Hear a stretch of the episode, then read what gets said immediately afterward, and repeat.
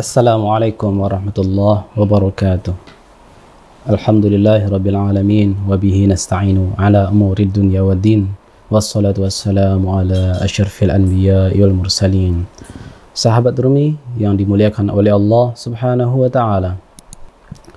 Kita sering mendengar satu hadis yang sangat familiar yaitu hadis riwayat Sayyidina Umar bin Khattab dan juga disadur oleh Imam Nawawi dalam hadis arba'innya tepatnya hadis yang pertama Sayyidina Umar meriwayatkan dari Rasulullah sallallahu alaihi wasallam innamal a'malu binniyat wa innamal likulli imrin ma nawa faman kanat hijratuhu ila Allah wa rasulih fahijratuhu ilallahi wa rasulih.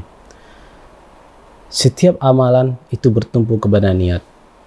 Setiap amal tergantung kepada niat dan setiap amal disertai dengan niat. Itulah berbagai macam ragam penerjemahan yang kita dengar.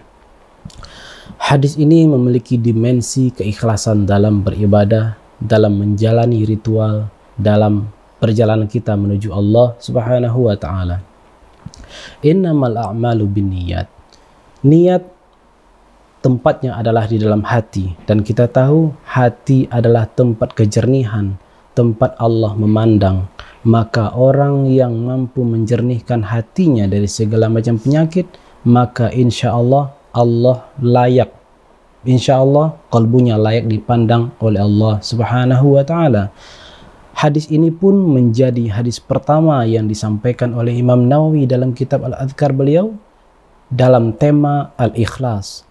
Jadi bab pertama dalam kitab Al-Adhkar adalah tentang ikhlas dan beliau menampilkan hadis ini. Ternyata sir atau rahasia dari hadis ini adalah tentang keikhlasan yaitu tentang ketauhidan kepada Allah Subhanahu wa taala. Hadis ini tidak hanya berhenti di sana. Berikutnya adalah faman kanat hijratuhu ila Allah wa rasulih fa hijratuhu ila Allah wa rasulih wa man kanat hijratuhu lidunya aw imratin yankihuha fahijratuhu ila ma hajara ilaihi. Hijrah hakiki adalah hijrah kepada Allah subhanahu wa ta'ala. Hijrah hakiki adalah menata jalan seseorang tidak terganggu dan tidak terkotori oleh tujuan-tujuan lainnya kecuali hanya kepada Allah subhanahu wa ta'ala. Itulah yang dicontohkan oleh Sayyidina Ibrahim alaihi salam. Inni muhajirun ila rabbi. Aku berhijrah menuju Tuhanku. Jadi hijrah bukanlah hanya persoalan aktivitas kita. Bukan hanya persoalan tugas-tugas kita dalam kehidupan, karir kita yang dahulunya menjadi artis, sekarang bertaubat jadi artis. Tidak, tidak mesti bertaubat dari karir kita yang sudah ada Kesalahan bukan diada pada karir, tapi kesalahan terdapat di dalam niat dalam karir yang kita jalani.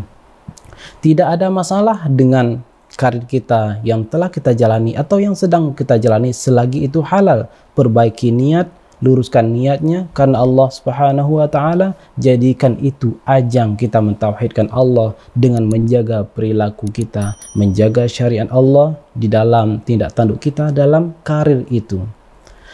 Keikhlasan apa lagi yang kita pelajari dari hadis ini?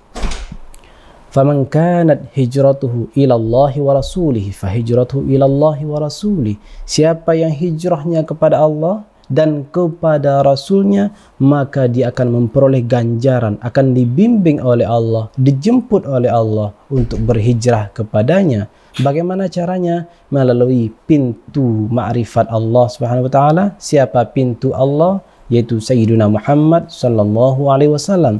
Sehingga dalam hadis ini digandenglah nama Nabi Muhammad fahijratu ilallahi wa rasulih. Tidak hanya Allah juga rasulnya.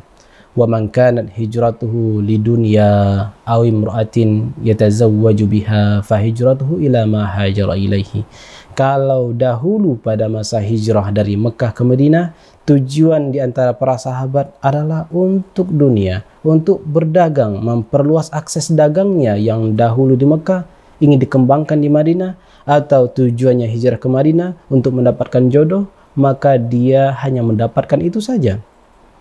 Faedah tambahan dari hadis ini di samping persoalan akidah, di samping persoalan ikhlas dan tauhid adalah kelembutan bahasa Rasulullah Sallallahu Alaihi Wasallam.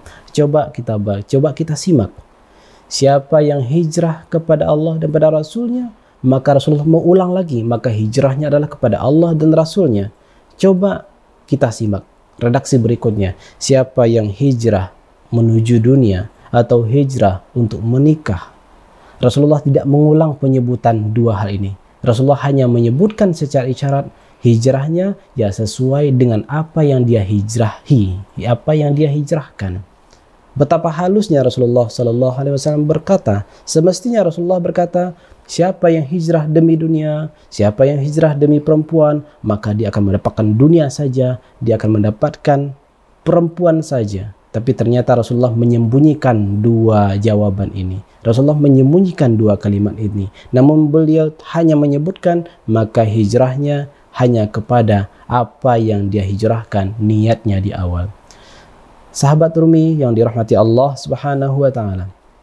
Tidak hanya persoalan fikih yang dapat kita gali dalam hadis ini yaitu fikih niat, tapi inti dari niat itu adalah lillahi taala minallah ilallah fillahi taala. Itulah makna yang tergantung makna hakiki dari hadis ini yaitu menghijrahkan zahir batin kita kepada Allah Subhanahu wa taala. Betapa banyak orang yang hijrah secara lahiriahnya kepada Allah namun sayang batinnya tidak hijrah kepada Allah. Namun kita pun pernah melihat ada orang yang lahirnya seperti tidak hijrah kepada Allah, ternyata kalbunya telah mendahului orang-orang yang hijrah secara lahiriah kepada Allah Subhanahu wa taala.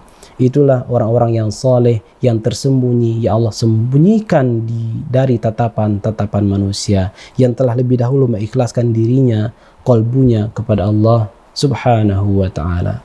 Wallahu ta'ala alam. Assalamualaikum warahmatullahi wabarakatuh.